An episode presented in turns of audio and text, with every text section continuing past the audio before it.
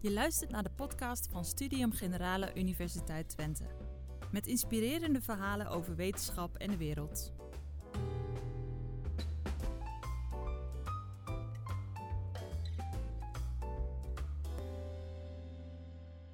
Uh, welkom allemaal bij Studium Generale in het kader van de Week van de Duurzaamheid van de Universiteit Twente. Ooit is dit begonnen als de Dag van de Duurzaamheid.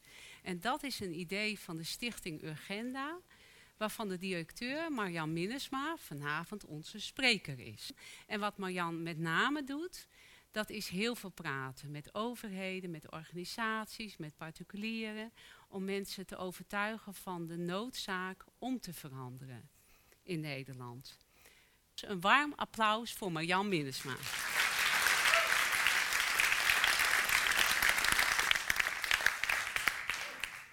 Dankjewel. Nou, dat is een hele mooie introductie. Nou, leuk om hier te zijn. Ik heb inderdaad drie studies gedaan en op allerlei verschillende plekken gewerkt, zowel bij NGO's als bij bedrijven als tien jaar aan de universiteit. En voor ik fulltime met Urgenda begon, was ik dus directeur voor een instituut voor transities aan de Erasmus Universiteit. En daar werd een heel nieuw uh, wetenschapsveld ontwikkeld op het gebied van transitiekunde, transitiemanagement. En na een jaar of vier, vijf zei ik tegen mijn collega professor Rotmans van, nou leuk dat we direct 40 boeken hebben van allerlei IO's, maar wat veranderen we nou echt in de praktijk? Elk boek wordt gemiddeld door 20 mensen gelezen en uh, ja, dat is toch een beetje zonde. Dus toen, uh, vanuit dat idee zijn we ooit begonnen aan Urgenda om de wetenschap in praktijk te brengen. Uh, en sindsdien zijn we ook gaan focussen uh, op die energietransitie met name. Uh, waarbij we dus al vrij veel doen, want dan heb je het dus over gebouwde omgeving, energie-neutraal maken, het vervoer, verduurzamen, industrie, et cetera. Dus het is al heel breed, maar daarvoor deden we nog meer. Um, nou, dus um, ik, ik, ga, een, uh, omdat we de tijd hebben, een verhaal doen wat ongeveer een derde bestaat uit die urgentie. Omdat ik denk dat het toch belangrijk is om daar nog iets meer over te vertellen. Daar word je licht depressief van, dus dat zeg ik maar vast. Uh, maar daarna komt er twee derde over oplossingen en ga je toch nog blij naar huis. Dat is de belofte. Nou, om eventjes het in perspectief uh, te plaatsen, want ik begrijp dat er heel veel verschillende mensen in de zaal zitten. Maar de hoeveelheid CO2 in de lucht voor die mensen die nog denken, is er echt wel een klimaatprobleem, ging inderdaad altijd op en neer. En om de 100.000 jaar een ijstijd. Ja, maar wel altijd binnen de bandbreedte van 180 en 280 parts per million. Dus tussen de 180 en de 280 CO2-deeltjes in een miljoen luchtdeeltjes. Dus dat is op, echt, op zich best weinig. Dus er zijn politici die zeggen dan, nou dat is maar zoveel, 0,000 zoveel procent. Ja, dat klopt. Maar dat was wel de bandbreedte waarin wij het heel goed deden. En sinds de industriële revolutie zijn we naar inmiddels 415 parts per million gegaan. En de laatste keer dat we dat hadden was 3 miljoen jaar geleden. Toen was de zeespiegel tientallen meters hoger, was er geen Noordpool. En was het niet een lekker klimaat voor ons, om het maar eufemistisch te zeggen. Gelukkig duurt dat lang, dus het is niet zo dat je nu uitstoot en morgen is het al ellende. Maar je weet wel dat als het niet omlaag gaat, dat we daar naartoe bewegen. En toch zeggen we met z'n allen van nou, we willen uitstoten tot 2050. Dan komen we op 450 parts per million uit. Dat is niet waar je wil wezen. En dat levert ook niet een aarde op die je heel graag door wil geven. En toch doen we dat wel. Dat is heel wonderlijk van ons, dat we, hele, nou ja, dat we zoveel kennis hebben en toch niet doen wat, wat goed voor ons is. En als je dan ziet van 270 naar 280 parts per million, dat deden we ooit 5000 jaar om over. Maar van 14 naar 415 ging in twee jaar. Dus het gaat steeds sneller. Je ziet ook dat het een beetje naar out of control begint uh, te spiralen. Dus we, we, we, voegen steeds meer CO2 toe aan de lucht. En het vervelende van CO2 is gewoon dat het honderden jaren blijft hangen. We hebben ook nog andere broeikasgassen. Die zijn soms wel sterker, maar die breken wel sneller af. En vaak worden ze dan weer CO2, dus daar word je ook niet blij van. Maar het vervelende van CO2, daarom hoor je zoveel daarover gepraat, is dat het gewoon honderden jaren blijft hangen en niet makkelijk afbreekt. Nou ja, en als je dan kijkt, dan zie je het ene na het andere record. En dan is het goed om je te realiseren dat die opwarming van de aarde niet gelijk verdeeld is. Dus als het gemiddeld op aarde straks 2 graden warmer is, dan is het op de Noordpool 5 graden warmer. Dat waar het nu al 1 graad warmer is gemiddeld, zit Nederland ook aan de wat warmere kant, maar de Noordpool helemaal. Dus het is niet gelijkelijk verdeeld over het oppervlak. En dat is eigenlijk wel pech, want de Noordpool is vrij belangrijk en die smelt dus veel harder dan je zou denken als het alleen maar 1 graad was. Nou ja, en het gaat dus gewoon gestaag op en neer. Dus er zijn ook politici die pakken dan één stukje naar beneden en zeggen: Kijk, het gaat ook naar beneden. Ja, maar je moet voor dit soort trends over veel langere perioden kijken. En de laatste jaren zaten allemaal in de top 10. En de voorspelling is eigenlijk dat het voorlopig wel zo blijft. Nou ja, en dan in, we denken we altijd van het is in Verwegistan, maar gewoon in Europa zijn er al heel veel gletsjers verdwenen. Uh, IJsland had dit jaar een requiem voor een gletsjer. Um, Noordpool, dit is 1500 jaar hoeveelheid ijs. En je ziet het laatste stuk naar inmiddels dus uh, nu gaat heel hard naar beneden. Nou, het vervelende van Noordpoolijs is, het is niet, niet vervelend voor de zeespiegelstijging, maar het is wel heel vervelend als je minder Noordpool hebt voor allerlei lucht- en waterstromingen. En daar hangt onder andere ons klimaat mee samen. Dus dat is voor ons niet zo bevorderlijk. Nou, als je dan kijkt, 1 augustus dit jaar, mensen kunnen zich niet zoveel voorstellen, maar er smolt in één dag 11 gigaton aan ijs op IJsland. En als je dat over Nederland zou verspreiden, is dat een halve meter water op ons hele land. Gelukkig belandt het in de oceaan, dus dan is het nauwelijks een millimeter uh, oceaanstijging. Dat is nog heel veel voor één dag, maar het gaat dus hard. En dit soort plotselinge uh, events, daar worden de wetenschappers eigenlijk steeds door verrast. Maar als je gewoon naar de trend kijkt, dat is rechtsonder, dan zie je gewoon hoeveelheid van Groenland die naar beneden gaat, is gewoon steeds meer en meer en meer volumeverlies van ijs. Nou, dat, dat geeft wel zeespiegelstijging. Dus dat is voor ons niet zo heel fijn. En dan hebben wij dus mazzel dat onze oceanen meer dan 90% van de warmte hebben opgenomen, maar ook de helft van de CO2.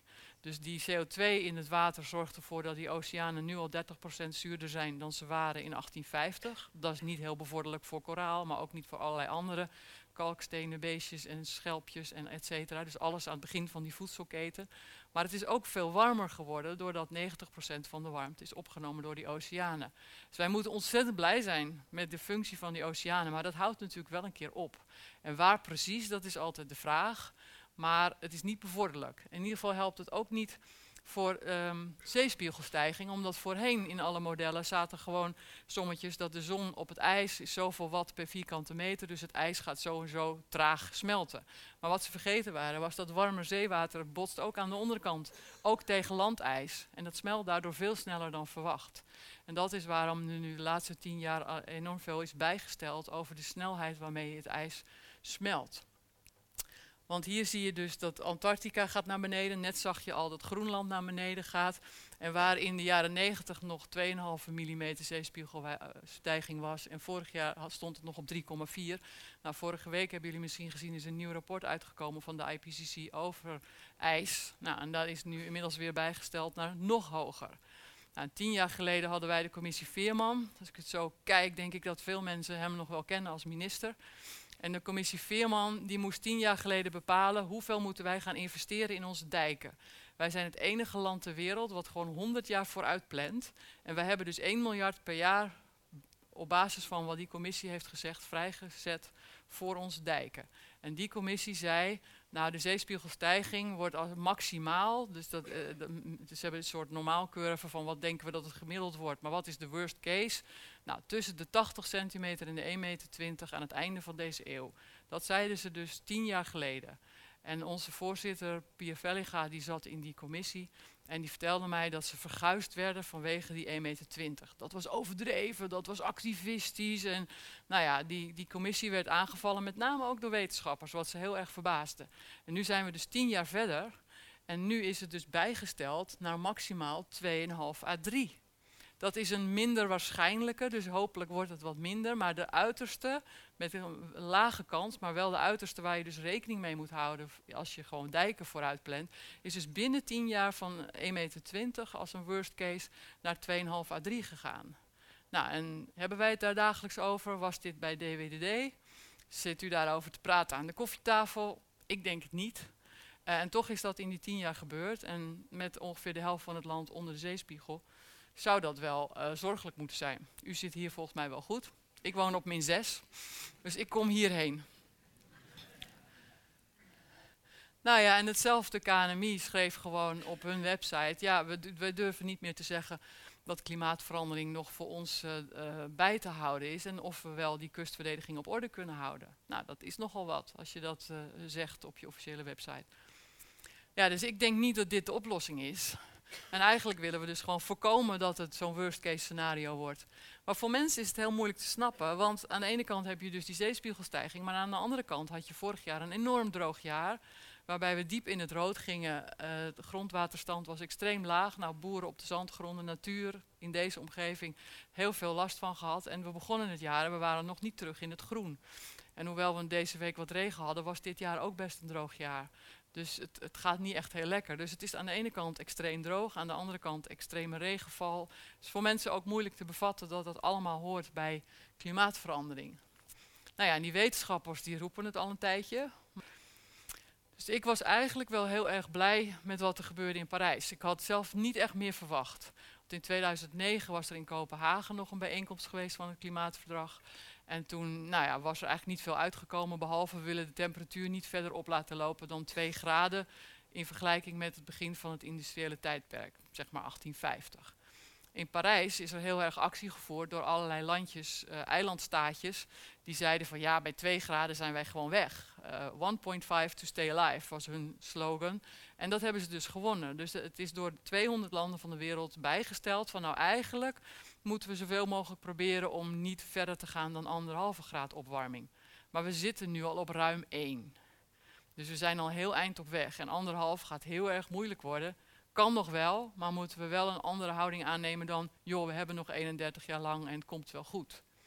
En daarom vind ik dit zelf een van de belangrijkste plaatjes. En die wil ik graag even uitleggen, omdat dit verklaart waarom jullie Mark Rutte horen zeggen, joh, we hebben nog tot 2050 31 jaar. En waarom ik eigenlijk zeg, 2030 zouden we eigenlijk op nul moeten zijn. En dat komt hierdoor dat als wetenschappers praat je altijd in termen van betrouwbaarheidsintervallen en hoeveel procent kans dat iets gaat gebeuren, et cetera. Dus als je met 66 procent kans echt onder de anderhalve graad zou willen blijven en je houdt de uitstoot constant, dan zit je al in 2021 op zoveel uitstoot dat die anderhalve graad niet meer te voorkomen is.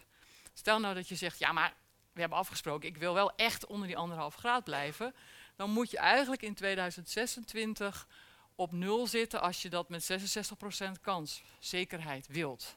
Nou, ik ben best een optimist, maar ik denk niet dat we dat halen. Dus wat doe je dan als wetenschapper? Zeg je nou oké, dan accepteer ik dat het maar met 50% kans lukt. Dan heb ik tot 2030. Dat is waarom u mij hoort praten over 100% duurzame energie, geen uitstoot in 2030. Maar ja, die mensen zaten daar bij elkaar in Parijs en die dachten, ja, dit is politieke zelfmoord. 2030, terug naar nul. No way. Dus wetenschappers verzinnen list. Nou, dat is heel makkelijk. Dan ga je onder de x-as en dan teken je een heel lang veld. En dat noem je negatieve emissies. Maar wat je dan eigenlijk doet, is je zegt van nou, je kan uitstoten tot 2050 er niet bij vertellende dat je dan al genoeg hebt uitgestoten voor bijna 3 graden. En daarna zeggen we tegen onze jongere generaties, joh, halen jullie daarna die CO2 weer uit de lucht? Dat is die negatieve emissies. Maar ja, als je zeg maar een halve graad terug wil, stel dat je op 2 graden bent beland en je wilt terug naar anderhalf, om even het landbeslag uit te leggen. Als je een halve graad terug wil, moet je ongeveer alle landbouwgronden in de wereld volzetten met bomen. En dan zou je genoeg oppervlakte hebben bedekt om een halve graad terug te gaan. Dat die bomen dus zoveel CO2 uit de lucht opnemen dat je een halve graad terug kan. Moeten ze niet in de brand vliegen, moet je ze ook lekker laten staan. Nou, dat is natuurlijk enorm veel. Laat staan als we over de 2 graden heen gaan. En in de tussentijd ziet u waarschijnlijk om u heen ook de Amazone branden. En uh, nou, het gaat niet echt heel goed met onze grote wouden. We zijn niet bezig om heel veel bomen erbij te zetten. Dus om nou tegen die jongere generatie te zeggen, joh, wij zijn te belabberd om op te schieten. We willen lekker rustig doorgaan tot 2050. En daarna lossen jullie het op. Als ik het even scherp mag neerzetten, dan vind ik dat immoreel. Want we hebben namelijk tijdens ons leven, uh, tijdens mijn leven in ieder geval, hebben we cumulatief meer dan de helft van alle CO2-uitstoot gedaan. Dus onze generatie heeft enorm veel uitgestoten. En dan gaan we tegen de jongeren zeggen, joh, we willen nog even lekker door. Ja, we weten niet hoe, maar zorgen jullie maar dat je het daarna eruit haalt. Want behalve bomen planten zou je ook nog op een andere manier landbouw kunnen plegen. Maar het kost ongeveer 10 jaar om 1 procentpunt meer koolstof in de bodem te krijgen. En doe je dan eh, het jaar daarna aardappelen op de verkeerde manier, ben je het ook weer kwijt. Dus het zijn allemaal hele tricky oplossingen voor een heel groot probleem. En zelf denk ik dat als we over een aantal drempels heen gaan, dat het nog zoveel harder gaat dat het überhaupt niet meer bij te benen is met wat uh, boompjes planten. Dus wat mij betreft, vanuit het voorzorgsprincipe en ook gewoon uit liefde voor die volgende generaties, zouden we maximaal in moeten zetten op proberen om voor 2030 zoveel mogelijk over te gaan op duurzame energie en netto nul uitstoot. En dan weet ik ook wel dat dat inmiddels nog maar elf jaar is. Ik ben me daar heel erg van bewust. Dus eigenlijk vraag je een soort leiderschap wat een combinatie is van Kennedy en Roosevelt. Kennedy die zei van, joh, over tien jaar wil ik op de maan staan. Ik weet nog niet hoe, ik heb de metalen er nog niet voor, maar toch wil ik het. En acht jaar later stonden ze er. En Roosevelt die tijdens de oorlog zei, ja, jullie maken nu auto's, maar jullie gaan vliegtuigen bouwen. En drie jaar later bouwden ze vliegtuigen. Nou, dat heb je eigenlijk nu nodig. Zo'n soort combinatie van, ja, we hebben elf jaar. We hebben ooit ook in tien jaar alle huizen van kolen naar gas gedaan. Alle straten zijn open geweest. Iedereen heeft een gasaansluiting gehad. En nu wil je eigenlijk in elf jaar van het gas af en naar duurzame oplossingen. Nou, is een enorme opgave. Daar ben ik me heel erg van bewust. Maar ik denk als je je realiseert wat er gebeurt als we niet op tijd zijn, dat je dan misschien toch net wat harder gaat lopen. Nou, je kan natuurlijk ook zeggen, joh, we gaan gewoon weer terug naar 2 graden. Want dan hebben we wat meer tijd. Maar het verschil tussen anderhalf en twee is heel erg groot. Bij anderhalve graad kunnen de mensen in de Sub-Sahara nog net blijven boeren. Bij twee graden is het daar zo droog dat je daar eigenlijk niet kunt blijven. Daar zitten nu 200 miljoen mensen. Waar gaan die heen? Ik denk naar het noorden. En wij waren al in de stress over 1 miljoen Syriërs die op drift gingen. Wat doe je als er 200 miljoen mensen op drift gaan? Ik maak mij daar persoonlijk het meeste zorgen over, meer dan onze dijken. Ik denk dat we dat nog best even volhouden. Maar dit, een wereld, en dit heb, nu heb ik het alleen nog maar over de Sub-Sahara, maar dit geldt dus ook voor al die eilandstaatjes, maar ook voor Boston, Miami, allemaal laaggeleden steden, die bij 2 graden gewoon uh, minstens voor de helft niet meer daar kunnen blijven. Ben, zijn jullie al depressief? Ben er bijna doorheen? Bij anderhalve graad blijft misschien de helft van het koraal nog net in leven. Bij twee graden is de oceaan zoveel zuurder en warmer dat het koraal gewoon dood is in 2050. En dat is ook de kraamkamer van de zee. Dat geldt ook voor allerlei andere kalkskeletbeestjes. Dus een miljard mensen die afhankelijk zijn van het leven uit de zee, die zullen daar ook serieuze problemen hebben. En je kan natuurlijk zeggen, nou, maakt mij dat uit. Uh, dan zitten er straks alleen nog maar kwallen in de zee, is ook leuk. Ik vind het wel jammer en ik denk ook dat we daar uh, nou, later spijt van krijgen. En dat we dus nu nog kunnen keren. Nou ja, dit wetende zou je denken dat we als mensheid nu misschien teruggaan in de uitstoot. Maar we gaan nog steeds elk jaar omhoog. En we moeten nu eigenlijk gewoon echt als een idioot naar beneden. Dus alle mooie praatjes ten spijt, ruim 28 jaar lang klimaatverdrag. En we doen toch elk jaar er wat bij. Dat was ook voor ons die reden van die rechtszaak. Want kijk, ik hoor die overheid ook elke keer jaar na jaar mooie beloften doen. Ik zit al meer dan 25 jaar in, in dit vakgebied.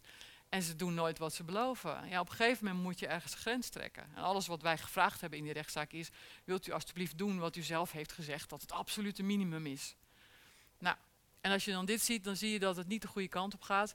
Inmiddels uh, maakt het Centraal Bureau voor de Statistiek ook dit soort dingetjes waarbij die oranje lijn het Urgenda-vonnis is. Dat is natuurlijk wel grappig dat dat nu onderdeel is van de instituties. Maar dan zie je dat de CO2-uitstoot 28 jaar lang 0,0 omlaag is gegaan. Het enige wat omlaag ging waren de overige broeikasgassen. Dat was een beetje landbouw en een beetje industrie. Maar de CO2 is niet gedaald. Alle mooie praatjes ten spijt. Nou, dus dat zou ons zorgen moeten baren. En daarom proberen we te versnellen. Nou ja, en we kunnen lekker kletsen we, over allerlei nitty-gritty, maar die, die muur die is echt inmiddels heel dichtbij. En daarom kan ik het wel begrijpen dat kinderen massaal de straat op gaan en de mensen van Extinction Rebellion en allerlei andere groepen die gewoon zich zorgen maken, die wel alle rapporten hebben gelezen en denken, leuk overheid dat je het weet en dat je iets hebt getekend, maar ga ook eens wat doen. Nou ja, dus de, de grote mensen hebben dan de neiging om te zeggen, joh, staken op vrijdag kan het niet op zaterdag. Nou ja, dan begrijp je dus nog steeds niet de urgentie. En dat is dus de reden waarom ik toch even begon met dit stukje. Ondanks dat het licht depressief is. Wij zijn in 2012 begonnen met die rechtszaak. En uh, toen schreef ik dus een brief naar het kabinet van wilt u alstublieft doen wat u zelf zegt dat nodig is. Namelijk tussen de 25 en de 40 procent CO2 reduceren in 2020. Wij begonnen in 2012. Toen kreeg ik dus in 2012 van mevrouw Mansveld een brief terug. uh, beste Marjan, we zijn het helemaal met je eens. Klimaatverandering is een heel groot probleem, heel groot risico. Dus zeg maar over de kern van de zaak waren we het eens. Ze erkenden volledig dat klimaatverandering een groot probleem was. Maar stond er toen in, wij willen niet voorop lopen. Nou, als je dan weet dat Nederland één na onderste is op duurzame energie, dan is het wel grappig als de overheid zegt, wij willen niet voorop lopen. Want ga eerst maar eens naar het midden. Maar dat was eigenlijk het enige argument wat in die hele brief stond. En verder waren ze het met ons eens. Dus toen uh, konden we een rechtszaak beginnen. Nou, en voor al die mensen die dan zeggen van ja, maar wij zijn maar een heel klein landje, dus wat maken wij nou uit? Denk ik dat het goed is om je te realiseren dat in absolute termen wij nummer 34 van de wereld zijn. Dus driekwart van de 200 landen van de wereld stoot nog minder uit in absolute zin dan wij. Dus als wij zeggen wij hoeven niks te doen, dan kan driekwart van de rest van de wereld ook op zijn rug gaan liggen. Maar nog, eh, ik denk vanuit een uh, perspectief van ethiek gaat het niet om of wij in absolute zin nummer 34 zijn en dat China bovenaan staat. Want China heeft meer dan een miljard mensen. Het is eerlijker om te bekijken wat stoot je uit per persoon. En dan stoot China een stuk minder uit dan wij en staan wij gewoon in de top 10. Dus Nederland is een hele grote uitstoter, absoluut en relatief per persoon. Dus dat zijn twee redenen om aan de bak te gaan. Want hoe kunnen wij nou als land half onder de zeespiegel gaan vragen aan India en China: willen jullie alsjeblieft meer je best doen? Als we zelf gewoon tot de slechtste jongetjes van de klas behoren, dan gaan anderen echt niet harder voor jou lopen. Dus ik denk dat wij ook het goede voorbeeld moeten geven, omdat we straks iets willen gaan vragen van anderen, omdat wij graag boven water willen blijven. Nou, dus eerst in 2015 heeft de rechtbank gezegd, ja, uh, Urgenda heeft gelijk over de urgentie en ook dat de overheid een plicht heeft om zijn burgers te beschermen.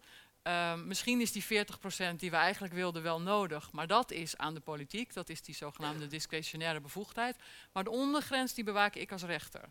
Dus dat heeft de, de rechtbank gedaan op basis van onrechtmatige daad, burgerlijk recht. Is gewoon, ja, je hebt een plicht om je burgers te beschermen, je doet niet genoeg, dus je moet meer doen. En het Hof heeft gezegd, ja, wij zijn het eens, het is een heel groot probleem. En los van wat de rechtbank heeft gezegd, schend je ook de mensenrechten. Dus je hebt twee keer een zogenaamde uh, rechtsplicht om je burgers te beschermen. Eén keer op basis van burgerlijk recht en één keer op basis van internationaal mensenrecht. Dus we hebben nu echt twee benen om op te lopen. Dus ook als de Hoge Raad zegt van nou die mensenrechten dat vind ik niks, dan heb je nog altijd die andere kant. Dus dat maakt het nog sterker. Nou, en om even te laten zien dat wij geen extremisten zijn. Uh, wij hebben gewonnen in 2015. De overheid wil 49% minder uitstoten in 2030. Trek een rechte lijn naar beneden. En je ziet dat ons vonnis precies op die lijn ligt. Dus wij vragen ze eigenlijk te doen wat ze zelf vinden dat moet. En toch zijn ze boos dat wij dit hebben gevraagd. En zijn ze dus in cassatie gegaan. Nou, de Hoge Raad heeft een onafhankelijk adviescollege. Dat, uh, normaal gesproken is dat één advocaat-generaal die een advies schrijft aan de Hoge Raad. Omdat dit zo'n bijzondere zaak was, waren er twee personen gevraagd om dat advies te maken. Een advocaat-generaal en een plaatsvervangend procureur-generaal. Dat waren ook twee mensen die in hoog in aanzien staan in dat adviescollege. Geen activisten, dus we, wij vonden het ook best wel spannend wat ze zouden schrijven. En uh, zij zijn dus een paar weken geleden met hun advies gekomen en ze hebben ons op alle punten gelijk gegeven. Dus nu zijn er twee vonnissen en een heel 240 pagina tellend advies. Dat schijnt volgens de experts voor zo'n advies ook extreem dik te zijn. Die ons allemaal gelijk geven. En dit, dit is een advies aan de Hoge Raad voor de, in de cassatieprocedure. En de eind, finale uitspraak komt op 20 december. En dan is het over als het goed is. Uh, maar ja, wat we nu hebben gezien met die stikstof, hè, de pas, dat de overheid zag het natuurlijk al lang al aankomen en die is niets gaan doen tot er een finale uitspraak was. Mij verbaast het ook dat in onze casus in 2015 hebben wij gewonnen en de rechter heeft het toen bij voorraad uitvoerbaar verklaard. Wat betekent dat je meteen aan de bak moet, omdat als je, ook al ga je in beroep, het schuift niet op. Dus als je blijft verliezen, dan moet je 25% minder uitstoten in 2020. Nou, inmiddels is dat volgend jaar. En we zitten, eh, zaten eh, in 2018 op 15. Dus het gat was nog 10%. En in megatonnen was dat 23 megaton. En, het, en, de, de, regering heeft uh, een spindokter opgezet en die hebben gesponnen dat het 9 megaton was. Nou, ik kan nu zeggen, het is geen 9 megaton. En ik denk niet dat ze dit jaar van 23 naar 9 zijn gekomen. Dus het gat is echt groot. Nou wat wij dan doen is, wij, wij, wij noemen het een rechtszaak uit liefde. Wij doen dit helemaal niet omdat wij vinden dat, dat we nou zo nodig graag rollenbollend over straat gaan, maar gewoon omdat we denken dat het nodig is dat de overheid gaat doen wat ze zelf schijnbaar willen. Dus wij hebben met ruim 700 organisaties afgelopen 24 juni, dat was de verjaardag van de rechtszaak, uh, een plan ingeleverd bij het kabinet met 40 maatregelen waarmee nog steeds het gehaald kan worden. En ik zou het kabinet ook willen uitdagen van nou, je had vorig jaar 11 miljard over, stop daar maar een deel van in een pot, dan gaan wij met die 700 organisaties wel doen wat nodig is. Want het kan gewoon nog steeds. Nou ja, je ziet dat er nu een paar subsidieregelingetjes, er staat dan boven vanwege het agendafonds, maar dat is nog bij lange na niet genoeg. Dus wij doen elke keer weer die handreiking om te laten zien dat het kan en om mee te helpen. Nou, de Universiteit van uh, Brussel heeft ons op 26 september een eredoctoraat gegeven. Niet aan de persoon, maar aan de stichting. Dus we zijn nu dokter Urgenda. Um, ik wist niet dat het bestond. Ik heb ook even gezocht, maar ik heb geen enkele andere stichting gevonden met een eredoctoraat. Dus wij zijn uh, uh, nou ja, daar heel trots op. En dat is vooral vanwege het werk aan de klimaatzaak. Ja, mijn vraag is, waarom willen we dit toch eigenlijk niet horen? Eigenlijk is dit niet een leuk gezellig verhaaltje. Uh, we willen eigenlijk liefst doorgaan waar we waren. Dit is niet, uh, niet een gezellige avond tot op heden, wordt het nog hoor. Of we geven liever iemand anders de schuld. Ja, het ligt aan Rusland, het ligt aan Trump, het ligt aan China, het ligt niet aan onszelf. En mijn boodschap is dus eigenlijk, iedereen zal op zijn eigen plek het maximale moeten proberen te doen. Dus als je weinig geld hebt, dan, dan probeer dan minder vlees te eten. Als je wat meer hebt, uh, doe zonnepanelen op je, uh, op je dak, et cetera. Maar iedereen zou eigenlijk op zijn eigen plek het maximale moeten doen. Dat geldt natuurlijk op het niveau van de mens, op het niveau van de stad, op het niveau van het land en de wereld. Dat als iedereen zijn uiterste best doet, dan kan het namelijk nog steeds. Want alle technieken zijn er gewoon. Het is niet dat we nog tien jaar innovatie nodig hebben om de slag te kunnen maken. Het is vooral omdat we gewoon vastzitten in onze groef en liever doorgaan en denken van nou iemand anders lost het wel op. Nou ja, dat lost dus iemand anders niet op. Dus we zullen aan de bak moeten. En het kan ook nog gewoon. Dus uh, Wilbur Okkels, dat was een goede vriend van mij, die zei ook altijd van ja, optimisme dat is onze plicht. En dat uh, ben ik volledig met hem eens. Dus wij zijn gewoon gaan kijken. De eerste keer dat wij een boekje schreven was 2012, toen had ik nog 18 jaar. Inmiddels is het, zijn we drie versies verder. Um, maar mijn eerste hobbel was altijd met name mensen uit de energiewereld, die ik allemaal vrij goed ken. Van die hadden wel iets van, ja, je hebt wel gelijk, het is allemaal heel urgent, maar wat jij wil, dat kan niet. En dan was mijn vraag altijd, oké, maar waarom dan niet? Want als het natuurkundig niet kan, Allah. Maar als het om een andere reden niet kan, dan moeten we proberen om daar overheen te springen. En als je het helemaal uitkleedt, dan is eigenlijk wat er altijd uitkwam, ja, we hebben het nog nooit zo snel gedaan. Maar ja, dat vind ik geen goed argument. Maar we hebben dus in, in dat uh, boekje met alles wat erachter zit, met honderden mensen aan gewerkt. En er zit het energietransitiemodel onder, daar zit 200 man jaar werk in en alle data van alle energiepartijen in Nederland. Dus ook de Shell, de NAM, de Gasunie, et cetera. Dus het is geen links model. Uh, dat wilde ik expres niet. Uh, ik vind het een behoudend model, want er mogen alleen maar dingen in die drie jaar gevalideerd zijn. Dus in de eerste versie van dat boekje mocht ik alleen maar windmolens tot 3 megawatt. Nou, inmiddels mag er dan 8 in bij godsgratie. In de eerste versie was er nog geen waterstofmodule, et cetera. Nou, inmiddels zijn we zoveel jaar verder, zit dat er wel in. Maar uitkomst was, we kunnen het gewoon doen met de technieken van nu en het is ook nog betaalbaar. En de uitgangspunt van onze hele studie was, het moet wel gewoon een systeem zijn zonder blackouts, wat gewoon leveringszeker is. Niet een systeem wat alleen maar betaalbaar is voor de rijken, dus het moet gewoon kunnen. Nou, en in die verschillende versies van dat boekje is er gewoon heel veel veranderd. Dat geeft de burger ook wel weer moed, want in de eerste versie zeiden alle, uh, vooral mannen dus, in uh, de wereld van bijvoorbeeld het zwaar vervoer, ja, het moet bio-LNG worden. Ja, dit kan niet, want ik zei van, ja, maar kan het dan niet elektrisch? Je kan elektrisch rijden op waterstof of elektrisch op een accu, maar ik had in 2012 iets, dat moet toch gewoon voor 2030 elektrisch? Nee, kon niet. Nou, vijf jaar later was het totaal omgekeerd. Nee, wordt allemaal elektrisch. Oké, dus in de eerste versie staat nog bio-LNG. Nu heb ik er waterstof uh, of, of uh, accu's en elektriciteit van gemaakt. In het eerste boekje zeiden de windmannen van... ja, nee, niet, je kunt nog niet rekenen met 8 of 12 megawatt windmolens... want dat duurt heel lang. Nou, de eerste van 12 is, is, wordt nu gemaakt. Dus als je ze dat dan voorhoudt van... goh, het is toch wonderlijk, we hebben nog tot 2030... wat denk je dat er nog kan? Ja, nee, niet verder dan 12. Dus de mensen in hun eigen sector zijn het slechtste in uh, niet lineair denken. De meesten denken gewoon zo of zo, maar dat het ook exponentieel kan worden is voor mensen heel moeilijk, met name op hun eigen vakgebied. Dat is heel raar. De meeste mensen denken, ja, het ging altijd al zo, dus het zal altijd zo zijn. En het zijn juist de mensen van buiten die vaak nou ja, de rare dingen zeggen die dan toch blijken te kunnen. Dat geeft ook wel weer moed, want dat betekent dus dat het vaak sneller gaat dan wat experts hadden voorspeld. Dat zie je ook elke keer. Wij hebben in Europa het uh, IEA, Internationale Energieagentschap, en die voorspelde dan dat het zo hard zou gaan met zon. Nou, het gaat zo. En met wind ook zo en het gaat zo. Dus uh, er kan steeds meer dan je denkt en gelukkig ook sneller dan je denkt. Nou ja, wij hebben dus met die uitgangspunten dat boekje gemaakt met alle berekeningen. En wat de meeste Nederlanders willen weten is, wat kost dit? Nou, het is ongeveer 1 à 1,5 procent van het bruto nationaal product aan totale afschrijvingen per jaar tussen nu en 2030. Dus dat is een hoop geld, uh, 9 miljard of zo. Maar dat is wel iets wat we met z'n allen kunnen ophoesten. Ik zeg ook niet dat de overheid die zak geld moet neerleggen, want daar zit ook in dat u uw huis energie-neutraal gaat maken, dat uw volgende auto elektrisch wordt, uh, dat je, je bedrijf probeert energie-neutraal te maken, et cetera. Dus er zit alles in, inclusief veranderingen in het netwerk, waterstof, et cetera. Dus dat is een hoop geld, maar dat is voor een rijk land als Nederland is 1 à 1,5 procent van het BNP goed te doen. En zeker als je weet wat er gebeurt als je dit niet doet. Dan vind ik het eigenlijk heel weinig voor de transitie die we nodig hebben en voor een veiligere toekomst voor onze volgende generaties. Nou, als je dan kijkt naar Nederland, dan is ongeveer 40% van onze uitstoot in het energiedomein, heb ik het nu over, van de industrie. 30% van de gebouwde omgeving, 20% mobiliteit en dan nog een paar andere. Dus als je die eerste drie blokken pakt, dan heb je echt al heel veel gedaan.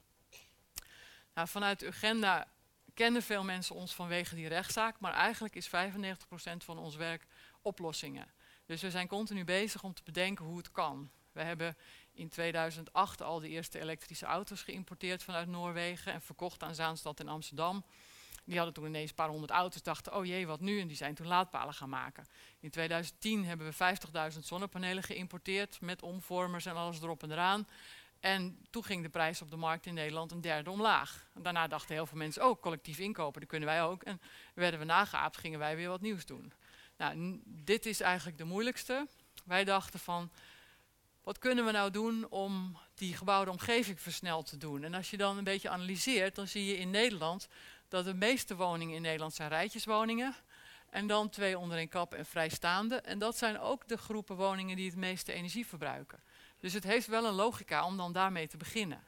Wat de overheid doet is het omgekeerde. Die denkt van ja, 6 miljoen woningen, dat lijkt me heel ingewikkeld. We hebben 380 woningcorporaties, dat is veel makkelijker.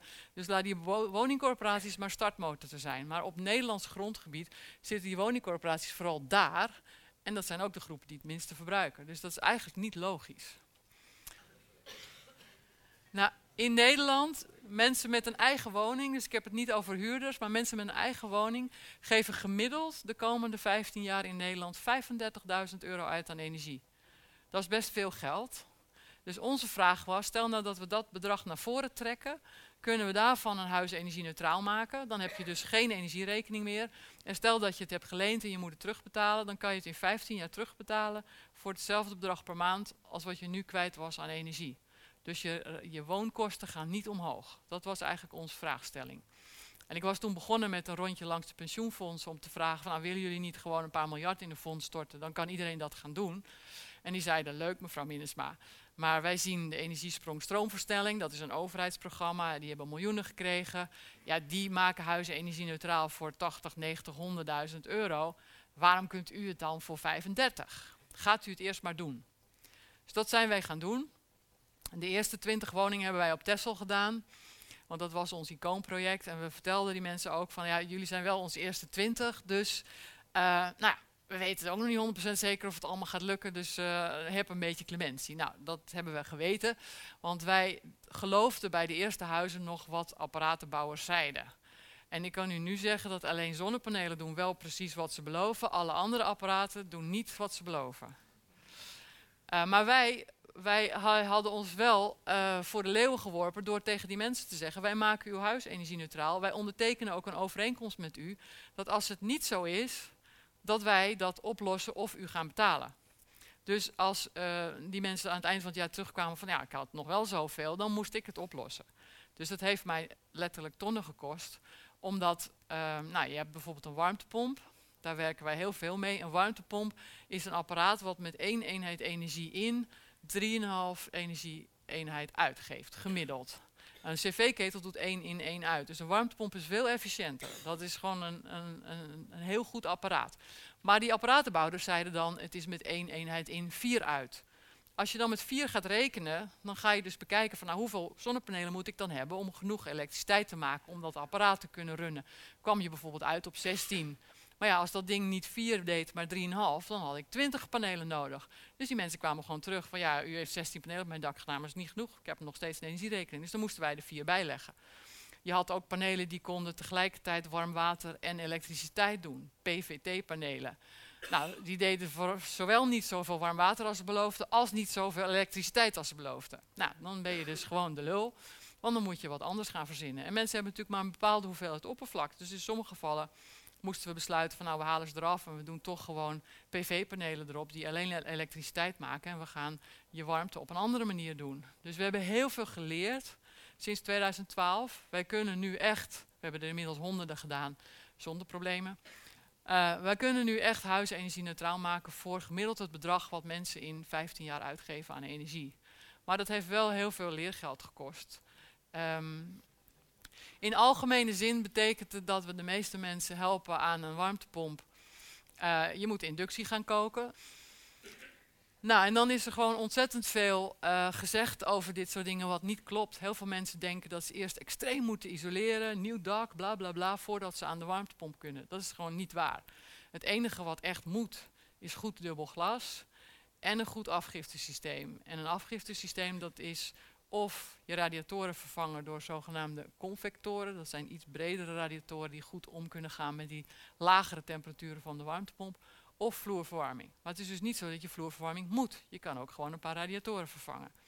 Nou, je merkt dat er gewoon heel veel verhalen zijn dat mensen denken van ja, het is niet geschikt voor mij. Natuurlijk, als je een lege spouwmuur hebt, doe hem vol. En als je een kruipruimte hebt, doe hem vol. Voor 3000 euro ben je klaar en dat is altijd snel terugverdiend, et cetera. Maar het is dus niet zo dat je er een soort theemuts om je huis heen moet zetten voordat jij naar de warmtepomp kan. Dat is wel wat die mensen van de energiesprong stroomversnelling doen.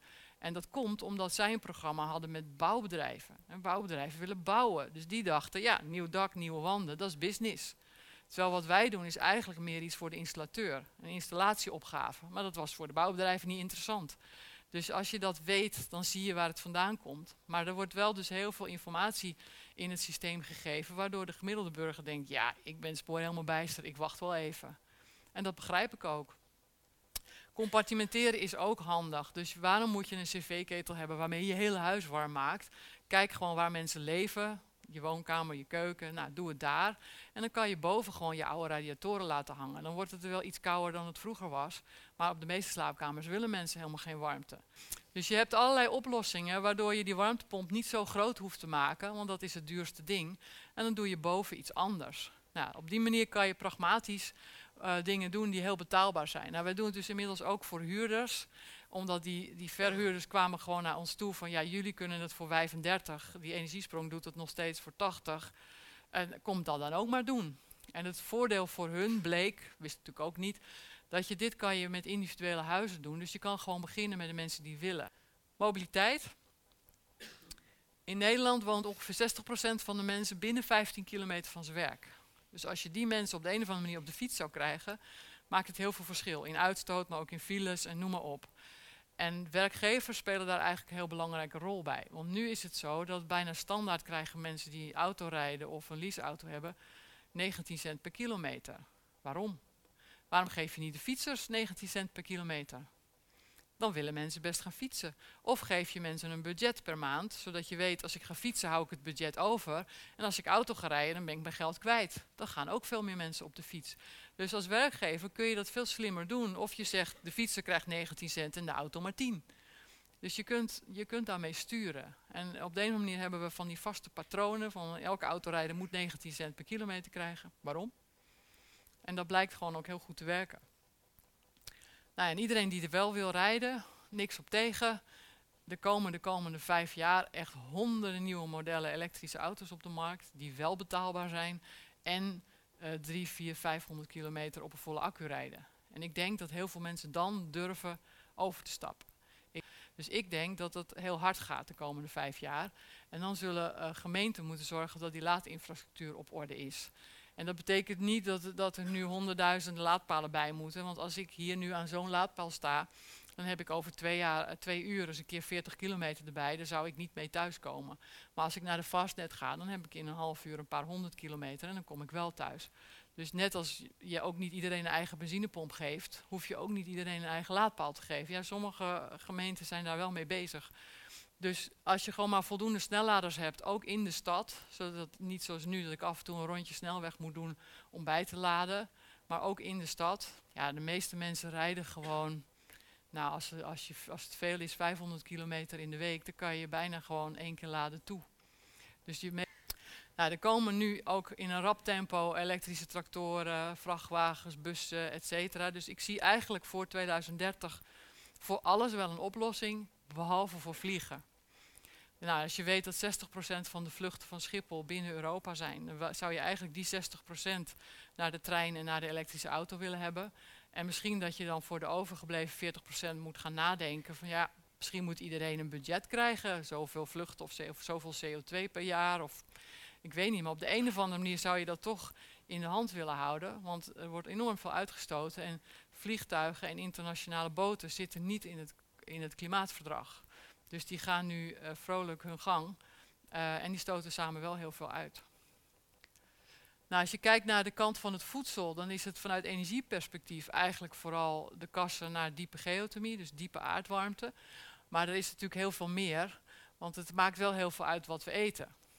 En ik heb hier voor uh, studenten wat dingetjes. Je kan beter bier drinken dan wijn. Vind ik zelf wijn lekkerder, maar goed. Vanuit CO2-perspectief kan je beter bier drinken dan wijn. En beter aardappels dan pasta. Nou, toen ik ging studeren had ik er uh, eh, 18 jaar aardappels op zitten. Dus ik heb de eerste vijf jaar geen aardappel meer gekookt. Maar ik weet nu dat het wel beter is. Nou ja, als je kijkt naar uh, CO2-uitstoot, dan is helaas de koe toch echt minder fijn dan de uh, vark of de kip. Nou, misschien wil nog niet iedereen aan de krekelburger. Maar iets minder vlees eten en meer plantaardige eiwitten maakt wel echt heel veel verschil. Nou, ja, je ziet ook wel dat er massaal mensen nu flexitariër zijn geworden. Ik zie de jongere generaties uh, veel meer uh, zelfs naar het veganisme gaan. Als landbouw ook als deel van de oplossing kan zien. Meer koolstof in de bodem. Als je daar dus andere eiwitproducten doet, zoals bijvoorbeeld lupine, dat zijn stikstofbinders. Dus via die plant komt de stikstof dan in de grond. Nou, dat, we hebben het nu met de passen allemaal over stikstof. Je kan ook de landbouw gebruiken als oplossing en niet alleen maar neerzetten als probleem. Uh, de hele kant van de industrie is een hele belangrijke. En ik ben eigenlijk de afgelopen twee jaar voor die de laatste versies van dat boekje in die industrie gedoken. Dus in de eerste versie staat dat allemaal nog niet. Maar in die laatste twee versies ben ik bij iedereen langs geweest. Dus als je kijkt naar Nederland, dan zijn de grote uitstoters de chemie, doet ongeveer de helft van de uitstoot van de industrie. Dan staal, dat is één fabriek, Tata Steel, en dan een heleboel andere. En ik ben bij iedereen langs geweest met die vraag, stel dat we echt naar 100% duurzame energie zouden willen in 2030, kan het dan? En ik had eigenlijk verwacht dat de meesten zouden zeggen: nee, dat kan niet. Ja, minstens nodig tot 2050. En tot mijn eigen verrassing kan iedereen, als het echt moet, om. Maar om verschillende redenen doen ze dat niet. En die begrijp ik ook. En het is denk ik uh, goed om je te realiseren dat in de verandering zit ook een besparing van ongeveer 50%. Dus energiebesparing is niet alleen maar een tochtstrip en een ledlamp. Energiebesparing is ook in de verandering ingebakken. Dus als je zeg maar op een klassieke manier auto rijdt met een verbrandingsmotor, dan gaat er gewoon 40% in de vorm van warmte weg. Als je elektrisch rijdt, zet je bijna alles om in beweging. Als je een kolencentrale hebt, dan zet je heel veel warmte in de lucht in. Terwijl als je zon en wind gebruikt, zet je bijna alles om in elektriciteit. Die warmtepompen in die huizen hebben dus een factor van 1 op 3 à 4, maar in de industrie 1 op 6 à 8. Veel efficiëntere apparaten. Dus in de verandering zit ook al een besparing van in totaal gemiddeld 50%. En dat wordt vaak vergeten. Veranderen is ook goed. Nou, dan tot slot, als je dit allemaal wilt doen, wat hebben we dan nodig aan duurzame energie en kunnen we dat in Nederland opwekken? Nou, we hebben dat berekend en ik heb hem hier even heel erg plat geslagen. Ook uh, zeg maar tegen de uh, Telegraaf die zegt, ja, we hebben honderdduizend windmolens nodig. Nee, dat is niet waar. We hebben ongeveer 9 windmolens per gemeente nodig van 3 à 4 megawatt. Dus ik zeg tegen veel gemeenten, zoek je lelijkste stukje, twee rijtjes van vijf en jij bent klaar. Nou zeg ik niet dat elke gemeente moet, want als je op de Maasvlakte de 200 neerzet, dan kun je zeggen, doe ik het in de Groene Hart niet. Als de Amsterdamse haven er 100 wil, dan kun je zeggen, doe ik het op Texel niet. Dus je kan samen keuzes maken. Maar op zich is twee rijtjes van vijf per gemeente uh, bij je industrieterrein, langs de snelweg, et cetera, goed te doen. En als je over 20 jaar die dingen hebt afgeschreven en je vindt ze lelijk, en tegen die tijd hebben we bijvoorbeeld vliegers. Nou, dan ga je dan over op vliegers. Maar je kunt je niet veroorloven om te zeggen, uh, ik wil het niet. Je kan natuurlijk zeggen, ik wil dat niet. Uh, maar dan weet je dus, als je zegt van ik wil geen wind, maar ik, ik neem zon, dat het veel meer oppervlaktebeslag is. Dus het is ook goed om die sommetjes voor jezelf te maken. Want als je mensen laat kiezen tussen één windmolen of zoveel uh, voetbalvelden vol met panelen, dan zeggen mensen, vaak toch uiteindelijk van nou, oké, doe dan maar één windmolen in een lelijk hoekje. Want het is veel meer landbeslag als je zeg maar, het met zon moet doen. Nou, we hebben ongeveer 4750 windmolens op zee nodig, daarbovenop. Dus dit is allemaal en, en, en, niet of, of, of. Um, en dat is gerekend met molens van 8 megawatt. Dus wetende dat de eerste van 12 vooral aankomen, zal dat aantal nog wel minder worden. En dan heb je vooral een overheid nodig die zegt, hier defensie, daar de vissen, hier is een vogeltrekroute en dus daar de windmolens. Regie, dat is de uh, afgelopen tien jaar veel afwezig geweest.